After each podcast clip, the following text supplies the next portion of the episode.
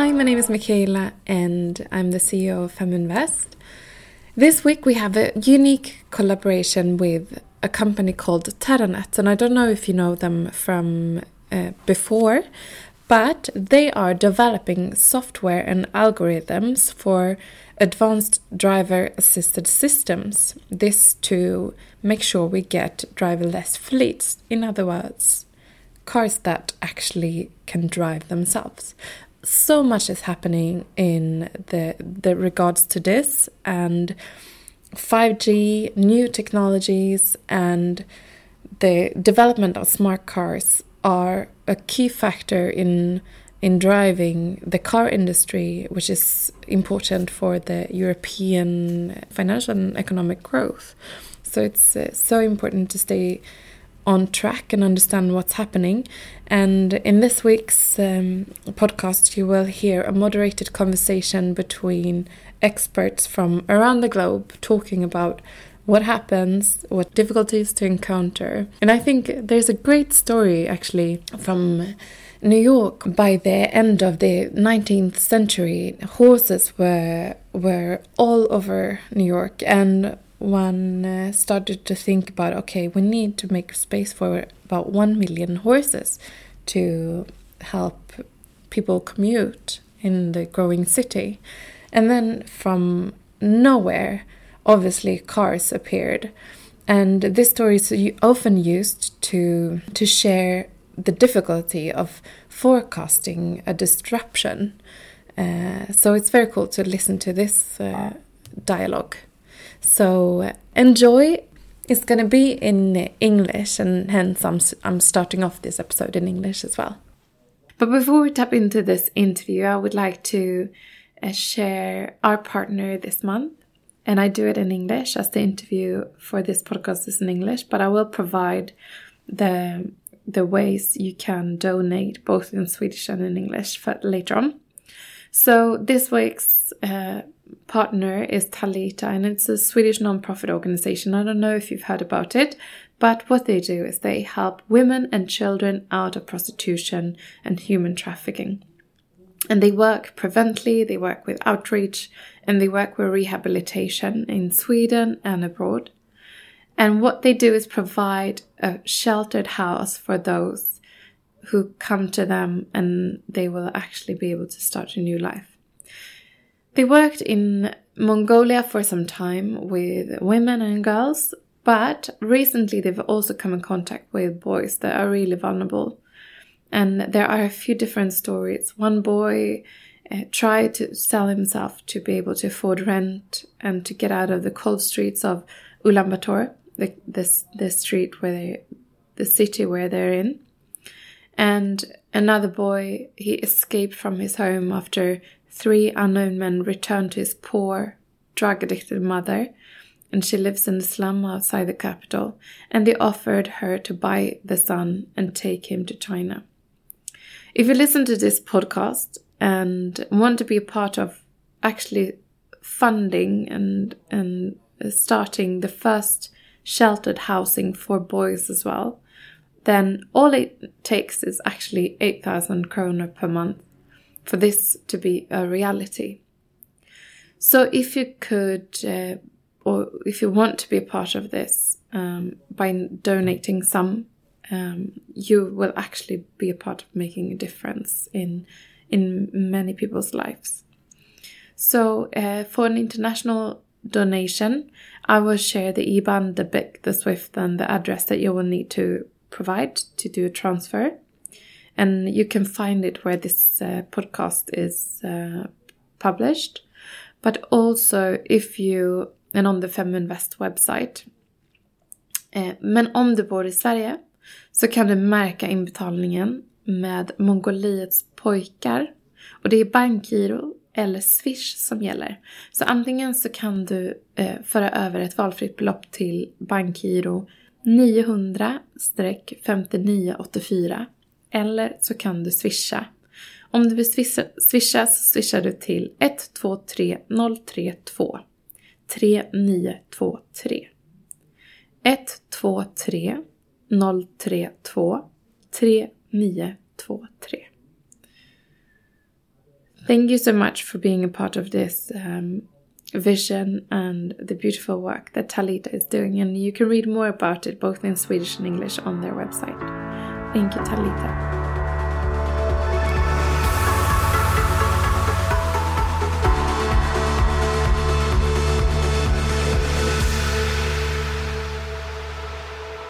Welcome to a podcast series produced by Terranet at Ideon Science Park in Lund, Sweden. My name is Joachim Lloyd Reboff, and I am creative director and podcast host uh, here at Terranet in Lund, Sweden, where I'm um, sitting now. And we are a, a panel of um, professionals uh, from across the globe, uh, Germany and and uh, the U.S. and and and here in Sweden. And and uh, for today's podcast, we have um, Henrik Christensen, the Qualcomm Chancellor's Chair of Robotic Robot Systems and the Director of the Contextual Robotics Institute at the University of San Diego, and also Professor of Computer Science in the Department of Computer Science and Engineering. We also have Nihat Kucek, Head of Navigation and Maps at Daimler Mercedes-Benz in Stuttgart, we have Dirk Smits, the inventor of the 3D vision motion perception technology uh, VoxelFlow, and who is also CTO at Terranet. So the automotive industry is in the midst of a massive transformation with its change to electrical and autonomous vehicles. And not since the replacement of the horse and the introduction of the combustion engine more than 100 years ago has the car industry been at such an inflection point a wholesale shift to autonomous and electrical vehicles will not just reshape the entire transportation industry, but it will also shape and change our daily lives. Zero crashes, zero fatalities, and zero emissions were once an utopian vision. Presumably, future cars will become smart enough to avoid all collisions, eliminating over 1.35 million traffic fatalities around the world each year artificial intelligence, AI, such as deep neural networks, is being applied worldwide in the automotive market to fields like computer vision, natural language processing, sensor fusion, object recognition, and autonomous driving projects. So let me start off by asking Professor Christensen, what is your personal vision of the future of mobility and the impact of robotics? Thank you, Joachim. So, so, so for me, it's. Um, I, I, think right now the automotive industry is being overly optimistic, and and I think it's very important that we start thinking about this as a systems of systems perspective of where the world is going. So, so to take you back, you said you know 100 years ago, 115 years ago, we went from horse to automotive. Uh, if you look at it, back then the speed of transportation in London was about 19 miles an hour. Today, the average speed of transportation in London is 12 miles an hour. So it's gone down by eight miles an hour over the uh, the last hundred years, primarily because we've only thought about cars and we haven't really thought about uh, systems of cars. How do, how do we build sort of an enterprise where they talk to each other? So I think getting better sensing is going to be very important. But I also think communication, 5G and 6G, is going to be central to figuring out how do we combine all of these technologies in such a way that we can build systems that are significantly better than today. So you might have this, you know, Daimler might have built the smartest car in the world. If you put it in current traffic, it's not really going to help because it's surrounded by all of these not so smart cars. So, and for that reason, the speed of transportation will go down. It will not quite be as, as efficient as we expect. So I still think it, it's sort of 15, 20 years out before we get to a place where we will get truly autonomous cars. And by then, I think we will also change how we think about cars. It will no longer be an ownership thing. It will be now transportation as a service. So we have to start thinking about how do we do logistics to places uh, I, you know, today pay one of the big logistics companies to deliver packages to me. I no longer go to the grocery store. I see the same thing with buses and all of this. So, so we're going to go through a transformation where we completely disrupt the entire transportation system. But it's going to take overall a system of coordination of traffic. It's going to take smart cars. It's going to take smart technologies inside of the cars to get us to a place where we get, where, as you said, zero fatalities, much more environmentally friendly, but at the same time also at a much lower cost because that that's going to be important to me. You know, I have a, an amazing Mercedes SL63 AMG. I only use it 2% of the time. It's a terrible investment. So in the future, I think we will also be much more conscious of how can I buy a really nice car and how but only use it when I need it. So we will we will have to rethink the economy of this so it becomes accessible to all of us.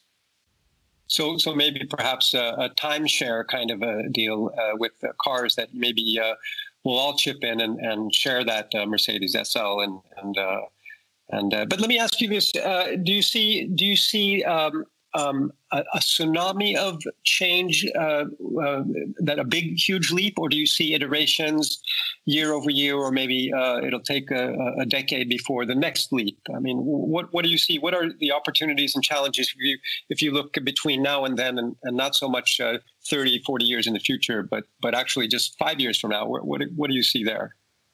Oh, so I, so I see um, I see very much a gradual change. So no doubt we will start thinking much more about cars talking to each other. So, so I think getting to, to, that communication, initially, it might not be even 5G, it might be something else.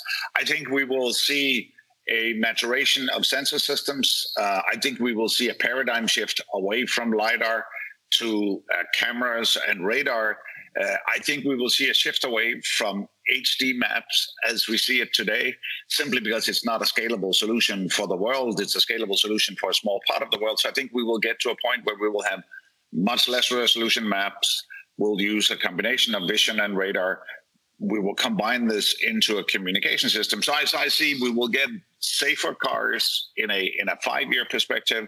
We will get. We are starting to see level four autonomy on the roads. I think initially it'll be for trucks. It will be on the highway. Um, and and and just like you know on cars today, you can go on the highway and more or less press and say, "Take me to LA," and it will actually take me to to LA with with minimum interaction. We're certainly going to see that for trucks and certain of those modalities.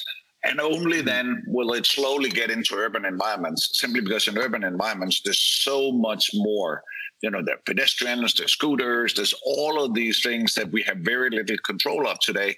And we don't yet have the technology that enables us to read the intent of all of these other road users in such a way that we can make it safe. So I think we'll start mm-hmm. on the highway. I think we'll start with with with a, a, a change in sensor systems, and I think we'll start with much more connected cars to get us there.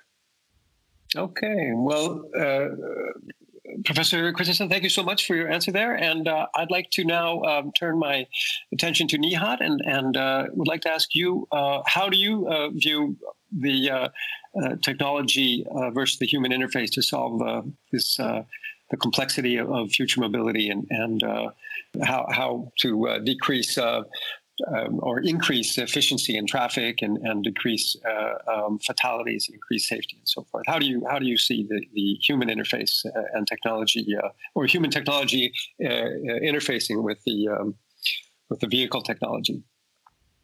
Thanks, Joachim.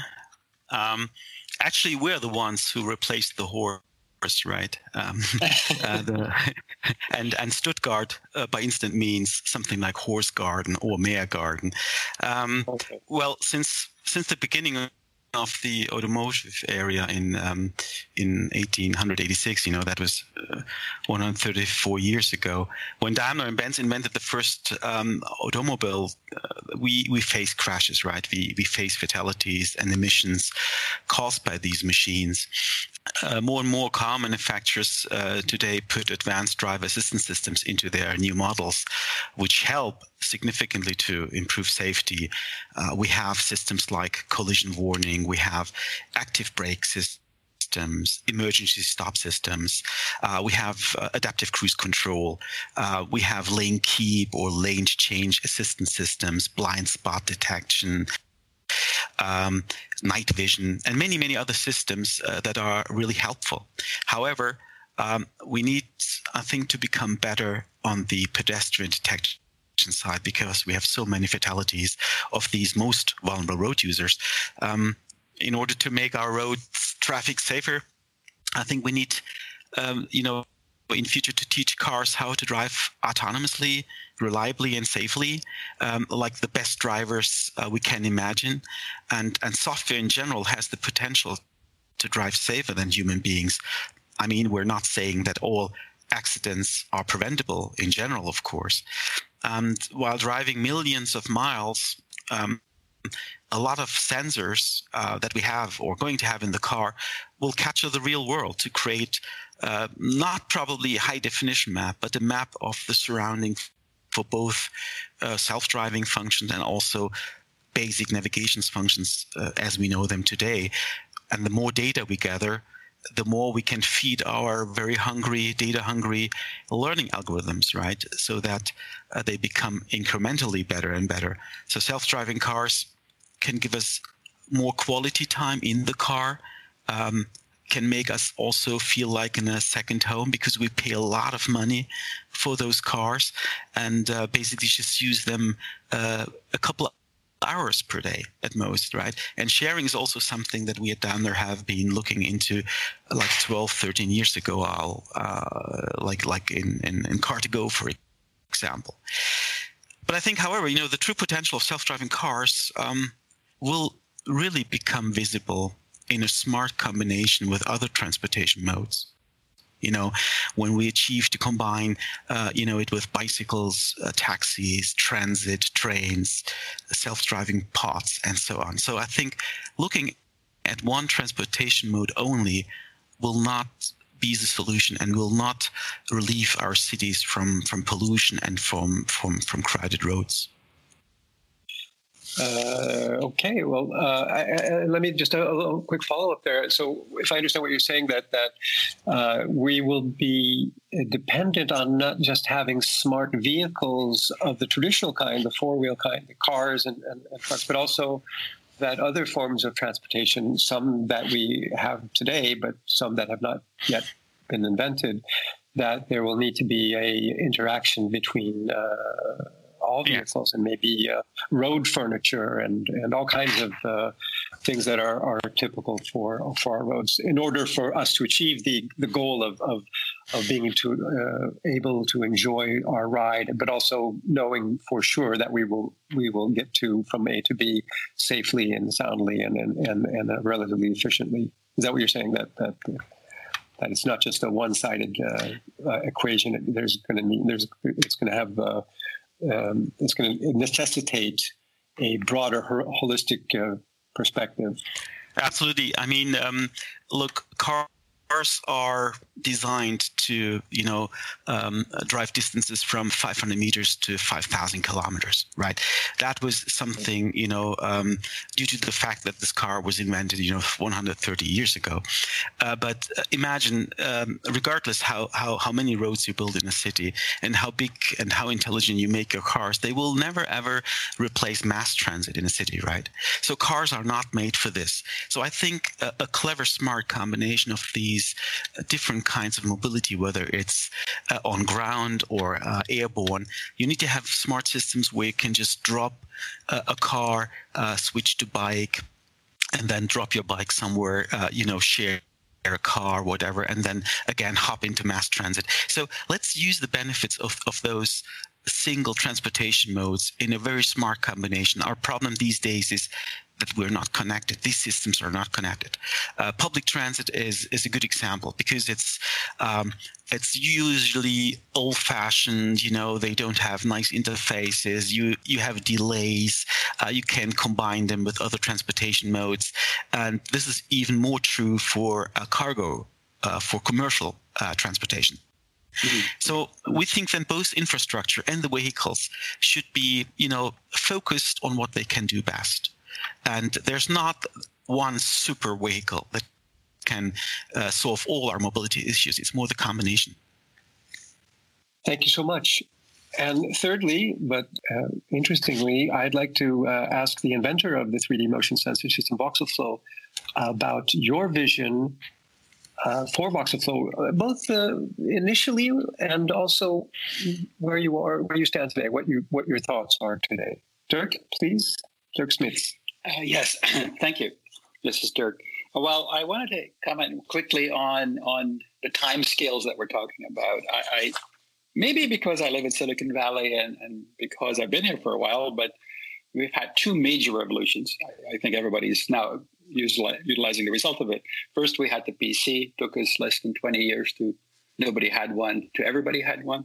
And then 20 years more, everybody went from what was a decent Nokia phone to something far more sophisticated. Sorry, Nokia. But for, in two 20 year periods, we have completely transformed how we communicate, where we get our news, the power of individuals, the ability to do this podcast. So I would say, with all the respect to Stuttgart, and the horse buggy became the nice, super nice car from Daimler, I would say there may be, and I'm optimistic, in the next 20 years, a massive revolution in how we are transported. So I think everybody said really things I agree with. I just believe a little bit more uh, imminent is this change. Maybe not in 10 years, but I think in 20 years. The three zeros, which I love, uh, zero fatality, zero collision, and zero emission, I think it's doable well within the, a 15 year time, time scale. If society wants that and if we have technology to answer the need. So my and the other question is what what made me do VoxelFlow? I think it's probably worth thinking about for a second. Um, I'm an inventor and I'm sort of compulsive. I, I, want to fix things which I think are broken. And I see a lot of broken things where other people don't see them. So my wife tries to slow me down to fix everything. But um, the one thing that occurred to me about 10 years ago, a little more, was that cameras, even though they're fantastic and believe me, they really are fantastic now, and they're 10 years later, even brilliant cameras on your phone. Cameras have a major flaw, and I, I saw that flaw both as the way images are acquired and the latency it produces. And I came up with voxel flow. The word flow is actually um, indicates two things. One is there is absolutely no delay. So unlike in a camera where everything is delayed at least 16 milliseconds, often 300, um, that's the way cameras work. They're large parallel things that have to connect to a serial port, the way an airplane cannot onboard and offboard passengers instantly. You all know the delay at the airport. So the other part is, and it's actually optical flow, it comes from biology. How do humans and birds and animals actually avoid colliding with each other? It has almost nothing to do with the thing that's tested when you visit a doctor, which is your fovea. That's actually a couple of percent of your eye is really, really good at reading tiny, tiny things. The rest of your eye, the periphery of it, is how you not collide, how you can play tennis, how you can stand up straight and never fall over. So, in terms of driving, you need that ability of the eye. And in terms of automated robotics, you need that ability of human behavior. And that's the optical flow and the data flow. The digital form is the data flow. The optical flow is the function, actually, which is how do you actually see motion? You don't see it with eye charts. So I think the, the departure for me was why is everybody using a camera, which is a very nice thing, but like the car, works on the same principle for like 100 years now, instead of something better. So voxel flow is something better. I think the opportunity, my vision going forward is that the combination of people becoming more aware of the ability to have a zero uh, fatality situation in the city, and perhaps current generation children being born having experienced many good modalities to transport that are not necessarily driving.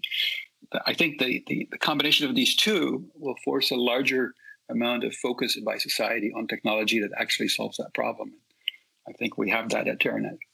Now, now, let me ask you just as a follow up here uh, uh, what are the, um, the immediate challenges? And um, um, if, we, if we agree that the current sensor system has its flaws, uh, particularly at night, where VoxelFlow, from what I understand, is it, it, it, has its own light source, it has its laser, so it's not dependent on on uh, any ambient light what are the immediate challenges right now, and and and do you see um, how how because uh, this is so different from the current technology, the available technology. How do, what do you see the challenges are going forward, and and and and convincing everybody about how how how superior VoxelFlow is?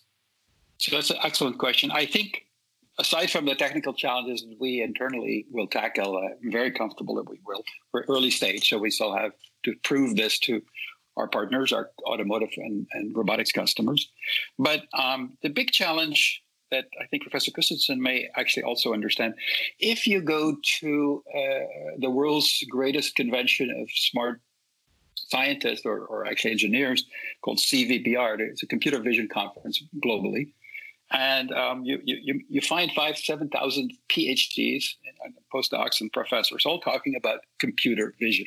None of them actually do anything different from taking images that are still and then analyzing if there are objects in these still images. So the big challenge, I think, is not delivering the first hardware, but to get the application of this hardware and the software community to rethink how they do things. It's actually a very big departure imaging as we know it. It's not no longer photography. And, and that's a hmm. big change. It changes all the good stuff that had been developed for images no longer is quite relevant. So it's kind of like introducing a revolution, and, and, and every revolution will have anti revolution. So I think there'll be some pushback to rethinking how computer vision works.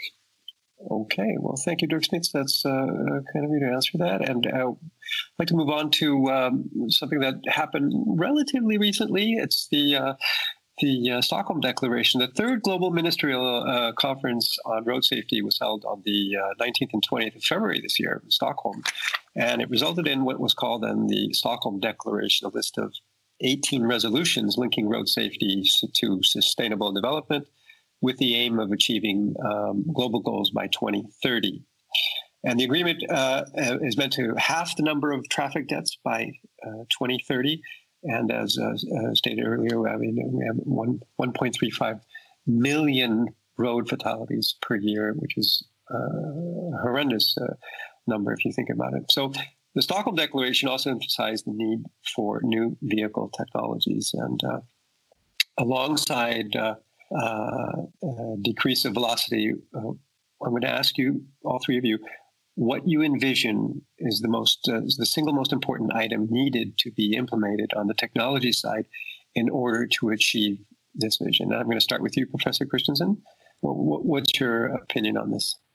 So, so first of all, I think it's it's a very commendable uh, goal, and in some sense, we've seen this. You know, Sweden, what twenty or thirty years ago, twenty five years ago, set this zero vision for zero fatalities Sweden still hasn't gotten there, but it was instrumental in working on the seat belts, on car radar, and that was why Saab and and Volvo for a long time sort of drove a lot of this uh, development. So I, so I, think it's very commendable. Uh, if, if, we have to look at it, it's clear that that we do need much better sensors to understand what is really going on around the, the the, the vehicle. Today we have something but but it's it's clearly not a viable solution. And i probably agree with with, with dirk that, that getting to a place where where we rethink how we do not only the sensors but also our sensory processing could be incredibly important. Then i think getting to understanding the intent of what is going on around the the uh, the cars we are we're not good enough today of really understanding what is the intent what is the intent of other vehicles around this when i come up to a four-way intersection. Can i predict who's going to go next? The same thing if there's a pedestrian on the sidewalk can i recognize when they're going to get potentially onto the road surface? Today this is a very complicated process that we as humans even use gaze and, and small subtle cues to do this we need to be much better at doing this so even figuring out what is the car doing in front of me, being able to estimate, you know, I, feel safe drivers not only look at the vehicle in front of you, you look sort of three vehicles forward, you look at the next or the next two traffic lights to determine what is the flow going to be. We need that level of situation awareness to be able to to truly get to a place where where we get to this level of safety. I think we will get it by doing better sensors, maybe rethinking some of the sensory processing as for things like voxel flow. I think we will get it by doing more vehicle to vehicle communication. I think we will do it by doing vehicle to infrastructure to really thinking about this. But it's going to be a gradual process. We will build smarter cars. Once we build the smarter cars, we will do better embedding into the infrastructure and we'll get there the the Stockholm Declaration is sort of saying we hope we will get there uh, by 2030 or you know and the zero vision by 2050 i'm probably a little bit more um, pessimistic about how fast we will get there. But I think we will see a, a gradient moving in that direction. One of the biggest challenges we'll have for a long time, we will have not intelligent cars on the road. And that's going to be one of the challenges of how do you integrate with vehicles that do not have the latest and the greatest technology. Um, right.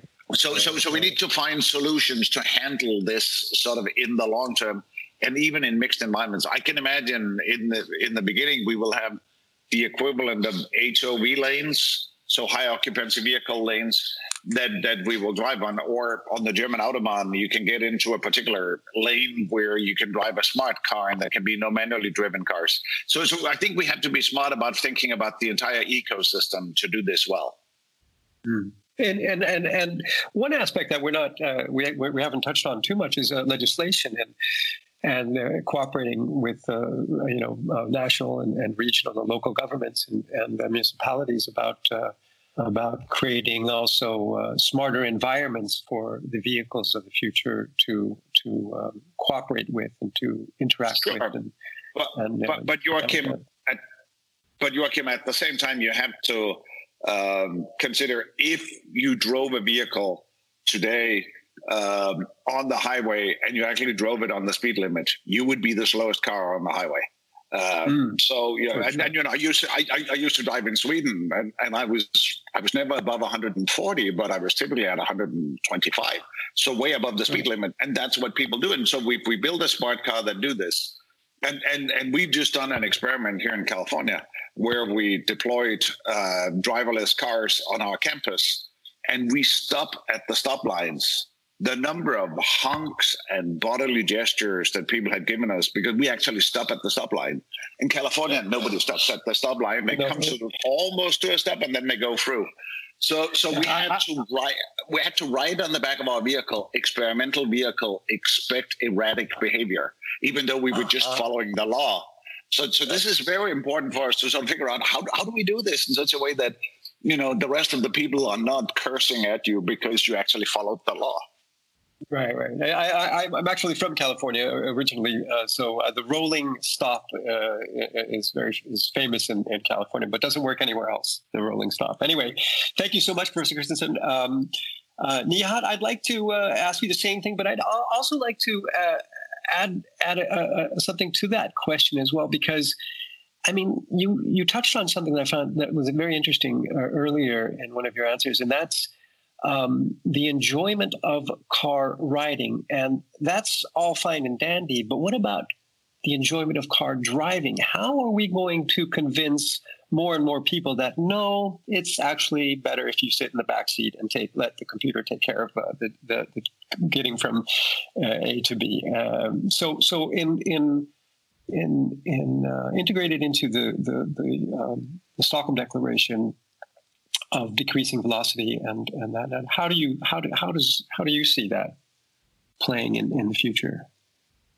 Yes, enjoyment of car riding. Actually, that's a slogan of BMW, not ours. okay. um, today, I mean, the car, uh, the most, let's say, the most effort we put in the engine and all the uh, physical behavior of a car, acceleration, etc. And we, as a premium uh, supplier, of course, look that we have a very nice interior and that you feel a home, like a second home. And believe me, when cars are going to drive autonomously, the whole interior will change and people will do different things in the car. And then I think selling a car is then not defined by the horsepower, engine, whatever. It will be defined um, what kind of quality time can that car uh, deliver to me. So, what can I do during my 45 minutes commute? Is it just hanging on the phone? You can't do much more today right? You can you can do uh, mail mail reading, you can uh, call someone, but that's it. You can't be really productive. And in-car office is something that is not going to work as long as you have to have your hands on the steering wheel. So I think uh, there will be a paradigm shift in uh, enjoying a car, which will probably move from uh, riding the car or driving the car uh, to more like what kind of experience is the car going to give me? But i would like to come back to your to your question about the fatalities. You know in the context of the coronavirus death, um, I've been looking at the road traffic fatalities uh, of the past years, and so I remember at least the numbers for Germany. Um, I mean, we human beings do mistakes, and, and, and probably always will do. Um, luckily, we learn by by trial and error, and we learn faster the stronger the impact of a specific mistake is. Right. However, nobody wants to to have those strong impacts um, on the road. So any death or uh, uh, fatalities, and technology can help us here to avoid or at least ease uh, fatal impacts caused by those motorized vehicles. And it's not just a matter of velocity. Otherwise, Germany was top um, uh, of the statistics. No, it's not just velocity. Um, although the number of, of, of, motor vehicles increased, you know, I, I remember statistics where they said we had about 200 50,000 vehicles in 1970. Then today it's almost 2 billion. Um, so that's a factor of what, 8,000. In these 50 years, the average number of vehicle related death even decreased, you know, from one death per 300,000 kilometers down to one death per 800,000 kilometers. Even t- that traffic became worse, right? So we're doing actually not bad, but roughly 50% of that road traffic death happened to, to drivers of, of passenger cars, or let's say four wheeled vehicles. Uh, motorbikes and bicycles have a, have a less share of 18%. But now, shockingly, almost a third of all these road fatalities happen to pedestrians, the most vulnerable road users. This is where we have to become better.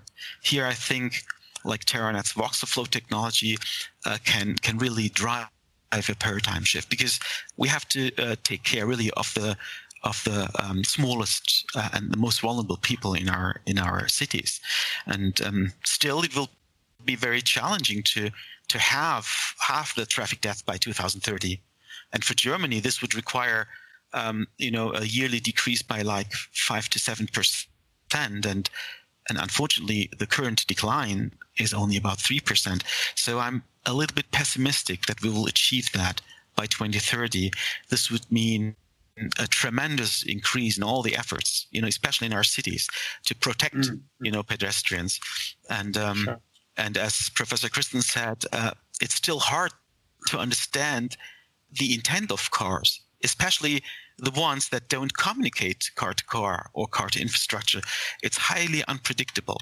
And um, if you think about a, a child, a kid you can't predict anything, right? You know that from your own experience. So it will be very, very difficult to tell a car what to do if it suddenly if suddenly a, a kid appears, you know, next to the road. Mm-hmm. And um, and I know from experiments that, as you said, uh, Professor Christensen, um, whenever you have a self-driving car always hitting the brake, you know, like in a periodic 500 millisecond um, uh, interval, then people go crazy and they say, what is this guy doing there? You follow all the rules, you know, all the traffic regulations, but people don't ex- ex- accept how you drive, right?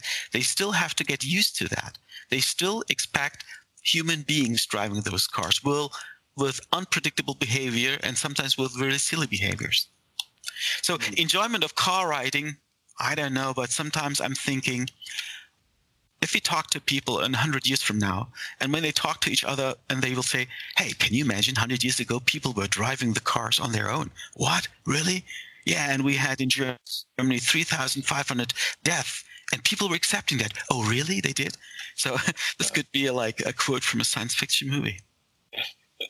Thank you so much. That, that that's sure. so interesting uh, because we, we are we are in a, a, we're gonna get I'm getting a little ahead of myself now, but because I, I, do have a, a question uh, regarding the the relationship to the the COVID nineteen uh, coronavirus uh, pandemic going on now. But but I mean we we uh, we are living right now in a st- in a state where we look at strangers walking on the street up the stairs in elevators and, and whatnot and we we almost uh, we look suspiciously at them. And yet when we sit in our cars on the highways we trust total strangers to not uh, drive uh, uh into us or, or make erratic uh, shifts in, in lanes and whatnot. So there's so so th- this is definitely something uh, that I think um, uh, VoxelFlow and uh, um, and the future technologies are is going to address. So now I'd like to to address uh, uh, the question to. Um, uh, Dirk Smits, uh, would you would you please comment on on how you look at the Stockholm Declaration's uh, well ambitious goal yes. of, of reducing traffic by 2030? Maybe because I'm not Swedish, I, I take Sweden as a country that does good things like Nobel Prizes, peace, IKEA furniture, and Volvos. Sorry for that but you know, we, we had babies on board. They have been safe for 35 years in a steel box. But you know, so the big thing that I like about the Stockholm Declaration, even though I understand you cannot just declare things, you actually have to do them, is, and I, I as a technologist, I, I believe I, I can contribute to that is, and I, I, think we haven't actually touched on this. Humans are, even best case, really bad drivers. So, so w- whether we like to believe it or not, uh, uh, when the eye sees something, the hands responding, a motor response is usually about half a second. So even at the modest speed of 20 miles per hour, which would be New York traffic in uh, 100 years ago, um, we waste half that distance, uh, 36 kilometers per hour is 10 meters per second, five meters, half the distance between 10 meters from my car, a child falls off the bike or crosses the street erratically. That half the distance is wasted. We cannot do better than responding five meters after that happened. And a car with a proper vision system, which has no latency and no compute bottlenecks, can do it in five milliseconds, maybe even one millisecond. So that is my goal to, to, to gain five meters more safety for every car in the city. And this doesn't have to be an autonomously driving car. It is simply a better braking system, a better collision maneuver, something that intervenes in that half second that we can, as humans, not even respond. So it doesn't have to be full autonomy. It doesn't have to be a futuristic uh, robot car. It can be simply something that, by the consensus of a community, we decide is a requirement for every vehicle in Lund or every vehicle in Malmo. So I grew up in Holland. So I remember bicycling to school, walking to school. Uh, of course, I'm old enough where nobody thought that was dangerous. It is not possible in California to walk or bicycle to school. These cities are uh, not unsafe for children. So I think the vulnerable road user is primarily of my hope. And working with Swedish companies, uh, because I actually think Europe is a little bit ahead in this way. We are not quite Europeans quite so enamored with, you know, every city being entirely com- uh, delivered to vehicles. Amsterdam is not a vehicle city. It used to be a boat city, and then it's a bicycle city. It's not a racing car city. So my hope is that the, the Stockholm Declaration will actually inspire communities to insist to eliminate road death in cities. That's a good starting point. So that that's kind of where I'm excited, and I think it's okay. Cool. Thank you very much. And uh, as I mentioned, uh, in uh, the World Economic Forum's recently published report on the future of last mile ecosystem, they anticipated that um, demand for e-commerce delivery will result in 36% more delivery vehicles in inner cities by 2030. Now, with the COVID 19 pandemic uh, uh, uh, in, in our lives, uh, this has put uh, an incredible strain on global supply chains uh, from medical supplies to household goods, spikes in demand, stress test logistic infrastructures, and, and uh, this should be a, a, pretty good opportunity for autonomous and um, unmanned deliver, delivery vehicles to uh, assist in addressing uh, this demand and, and, how to reduce the risk of spreading infection.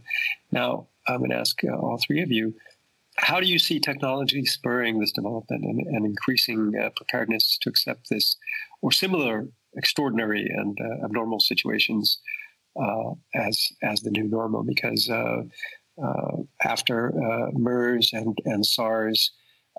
and now with COVID 19, we have to almost assume going forward that we have not seen the last pandemic, but maybe this is something that we have to adjust our, our lives to going forward. So let's start with Professor Christensen. What, what, are your thoughts on this? Well, so I think um, I, I, think there's no doubt we will see this. We will see this have an impact in, in, in many cases. So we recently did a study with, with a trucking company that actually showed that even today, if you use sort of level four autonomy, the fuel consumption will go down by 10% simply because you know you can you can be much more predictive about how you drive and where where the hills are and and, and where uh, traffic is. So so because of this even if we don't get to fully autonomous cars you're going to see a 10% reduction in fuel consumption which is a, a pretty big deal given that something like 18% of all fossil fuel is consumed by trucks. So, so, so I think you will see an, a, a, big impact of this, even when we're not talking about pandemics, because it will help us get to sort of the zero environmental sort of environmental impact vision. At the same time, I think we'll see sort of a, a variety of this. We can once we do uh, package things in trucks, for instance, we can do inspection of them. We can do disinfection in ways you could not imagine if there are not people nearby. So, so we will see certainly for trucking, so, so long range logistics or intermodal logistics, we'll see a huge impact. In the cities, I'm not convinced we will think about it as much as cars, but we will get smaller vehicles that will be robots in sort of my view that will drive around and do a lot of these deliveries. But even for if you think about what if I had an an Uber or a Lyft, but there was no driver, which implied that I could disinfect the car between subsequent rides, which would help us guarantee that you don't you don't have cross contamination from one to the next. So, uh, so, so, I think, uh, as Nate said, the the getting to where uh, you can completely rethink the interior of the cabin for people transportation, for uh, goods transportation, I think we'll become much better at uh, putting together bulk areas that goes to the same district. I'm not convinced in the long term it will all continue to be road vehicles. So we're starting to see these experiments with UPS and Amazon of getting to a local neighborhood, and then you're going to have drones do the last 100 or 200 feet or half a mile delivery. So I think we will completely rethink how we do logistics in the future. And by doing this, the, the, the big criteria will be environmental impact, it will be speed, and it will be so we're getting so used to driving, you know, you, you press the button and you expect somebody to ring on the door within the minute. So, so you know, so one of my vision has been, what if I could have a UPS truck driving around with a 3D printer in the back of the truck, and by the time you order, they 3D print it in the back of the truck and they give it to you. We're not quite there in terms of 3D printing. I mean, we're not quite there no, in terms no. of the drugs. but but but I think we will get to where uh, we will democratize manufacturing to a level where it will get much closer to the customer to make sure that you get the agility of the supply chains and at the same time we reduce sort of the environmental impact. Mm. Interesting. Uh, I mean, one of the reasons why the U.S. has been so badly hit uh, from a financial perspective is that the, the country in, large is a services uh, uh, has a service industry that's huge now. Manufacturing is is uh, fairly small compared to what it was 50, 60, 70 years ago, and uh, uh, services is is definitely something that I can see making use of of this delivery uh, future that you, you painted for us. So thank you, thank you very much, uh, Professor Smith. Nihat, what, what are your views on on uh, the implications of the COVID nineteen pandemic and, and, and going forward, and and uh, how we uh, how we can uh, arrive at a, a future with driverless or or a safe where safety and health and and efficiency are all part of the equation. Yeah. Um I mean, um, during the um, corona disease, I was also thinking about you know how can we avoid social contact whenever it's possible uh, like when when goods are delivered. And we've been thinking a lot about alternative delivery methods especially airborne. Um, but you know coming back to what i said earlier is we need to highlight the benefits and disadvantages as well of different transportation modes. For example mass transit is not the best transportation uh, mode, right, in case of a pandemic situation. But cars are, right? But having smog in the city is why vice versa. So this is the strength of um, of a hierarchical multimodal system. Uh, when you look at transportation, you have to have those different uh, properties. You, you know different characters characteristics of those systems um, coming coming to, to cargo delivery, yes, in fact, more and more people shop online, which of course increases urban traffic caused by these traditional delivery trucks. Um, and worldwide, we see a, a, steady increase by 8 or 10% uh, per year. And I don't think that we will manage to compensate uh, this rise by conventional ground transportation because we don't simply don't have the space for that. So space is limited. So uh, what what we still have is the the airspace. But um, when I come back to, to multimodal and intermodal transportation, uh, back in 2008, we started um, uh, our business transforma- transformation you know, from just manufacturing and selling cars, vans, buses, and trucks uh, to be a mobility company. So we started businesses for car sharing. Uh, it was called Car2Go at that time, and mobility services like like moovel integrating the public transportation sector in order to reduce urban traffic and emissions. Uh, and last but not least, increase life quality. Um, and with Starship, um, you know, Daimler uh, invested in urban delivery robots and cargo vans, which reflects an innovative multimodal transportation chain. So what we're doing here is very very um, we have these spots but it's not something that has been commercially very very successful. And one of the reasons is that transportation is still too cheap. You know, these new systems are still too expensive so that it finds commercial acceptance. Um, but as you said, Joachim, it, it's time it's time to conquer uh, conquer the urban airspace.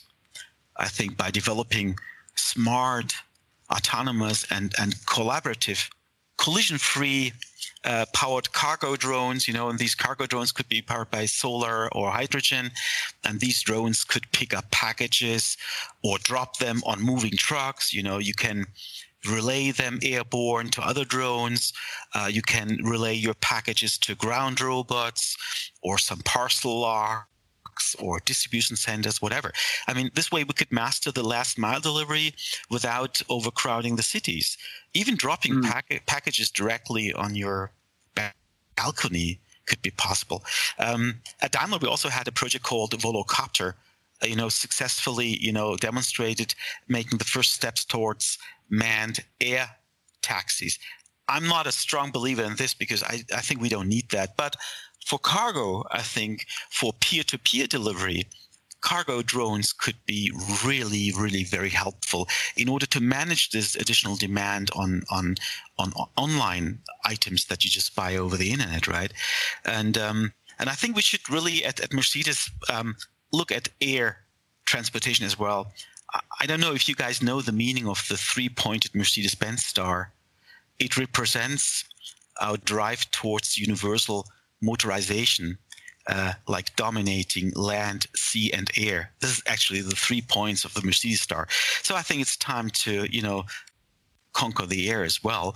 And why not? Why not uh, designing and manufacturing uh, these autonomous and collaborative drones, right? And social mm-hmm. distancing works best. Um, by letting intelligent robots into our work domain, into home and mobility domains, by integrating them seamlessly into into all existing transportation change. I think rather than betting on one card, I think it's better to see the whole system and use the advantages each different uh, transportation system offers us.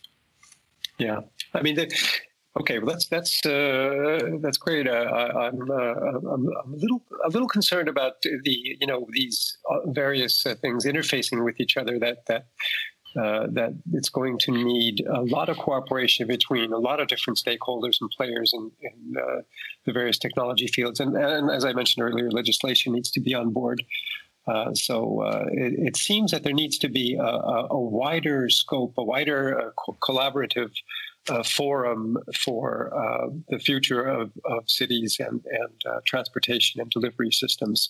But uh, that's uh, maybe a topic for a, a completely different podcast.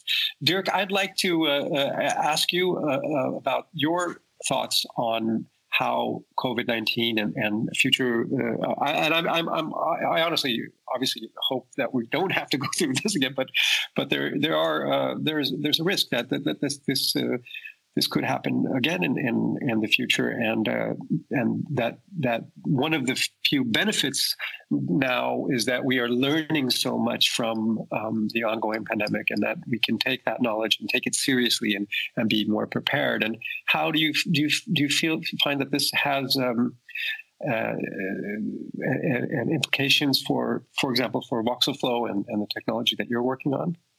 Uh, yeah. Um, by the way, I so much to talk about. We can't. I love Professor Christensen already pointed out that even a small amount of automation can save a lot of fuel, and we all know how important that is.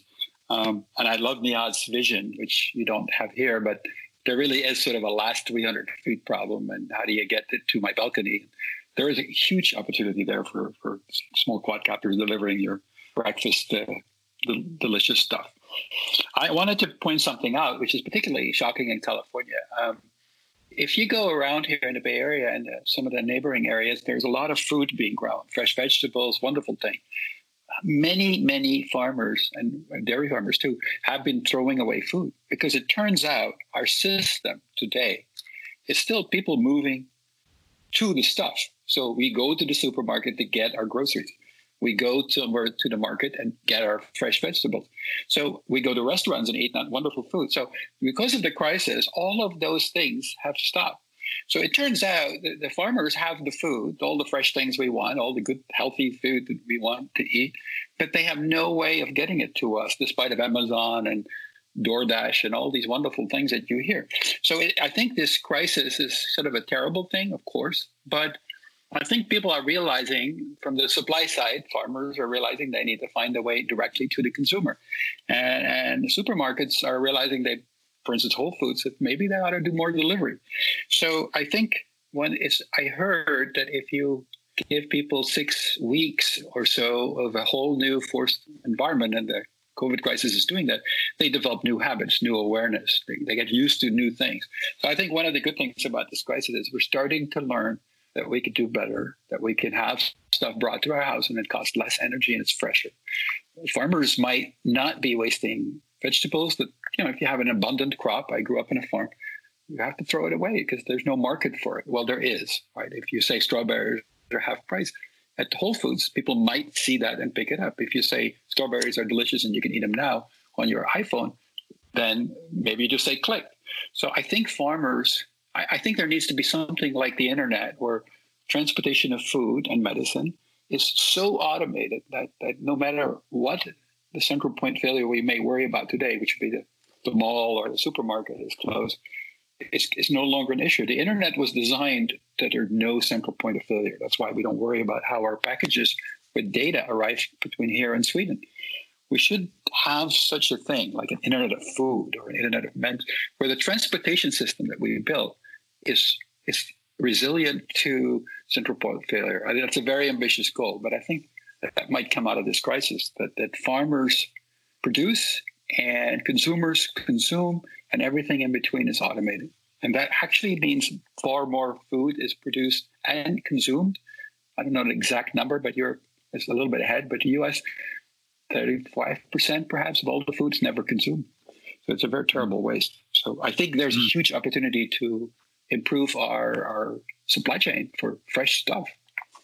Mm. Mm. Interesting. Well, thank you, all of you, for taking the time to join us today. Very interesting, and um, I hope that you guys uh, stay safe and uh, healthy and uh, hope that we can get in touch with you uh, um, in the future for uh, additional conversations about uh, autonomous vehicles and uh, the future of uh, transportation and delivery systems. So, um, thank you so much, and have a good evening. Thank you. It was a you pleasure. Too. Thanks, you. Thank you. Bye bye. That was fantastic. Bye bye.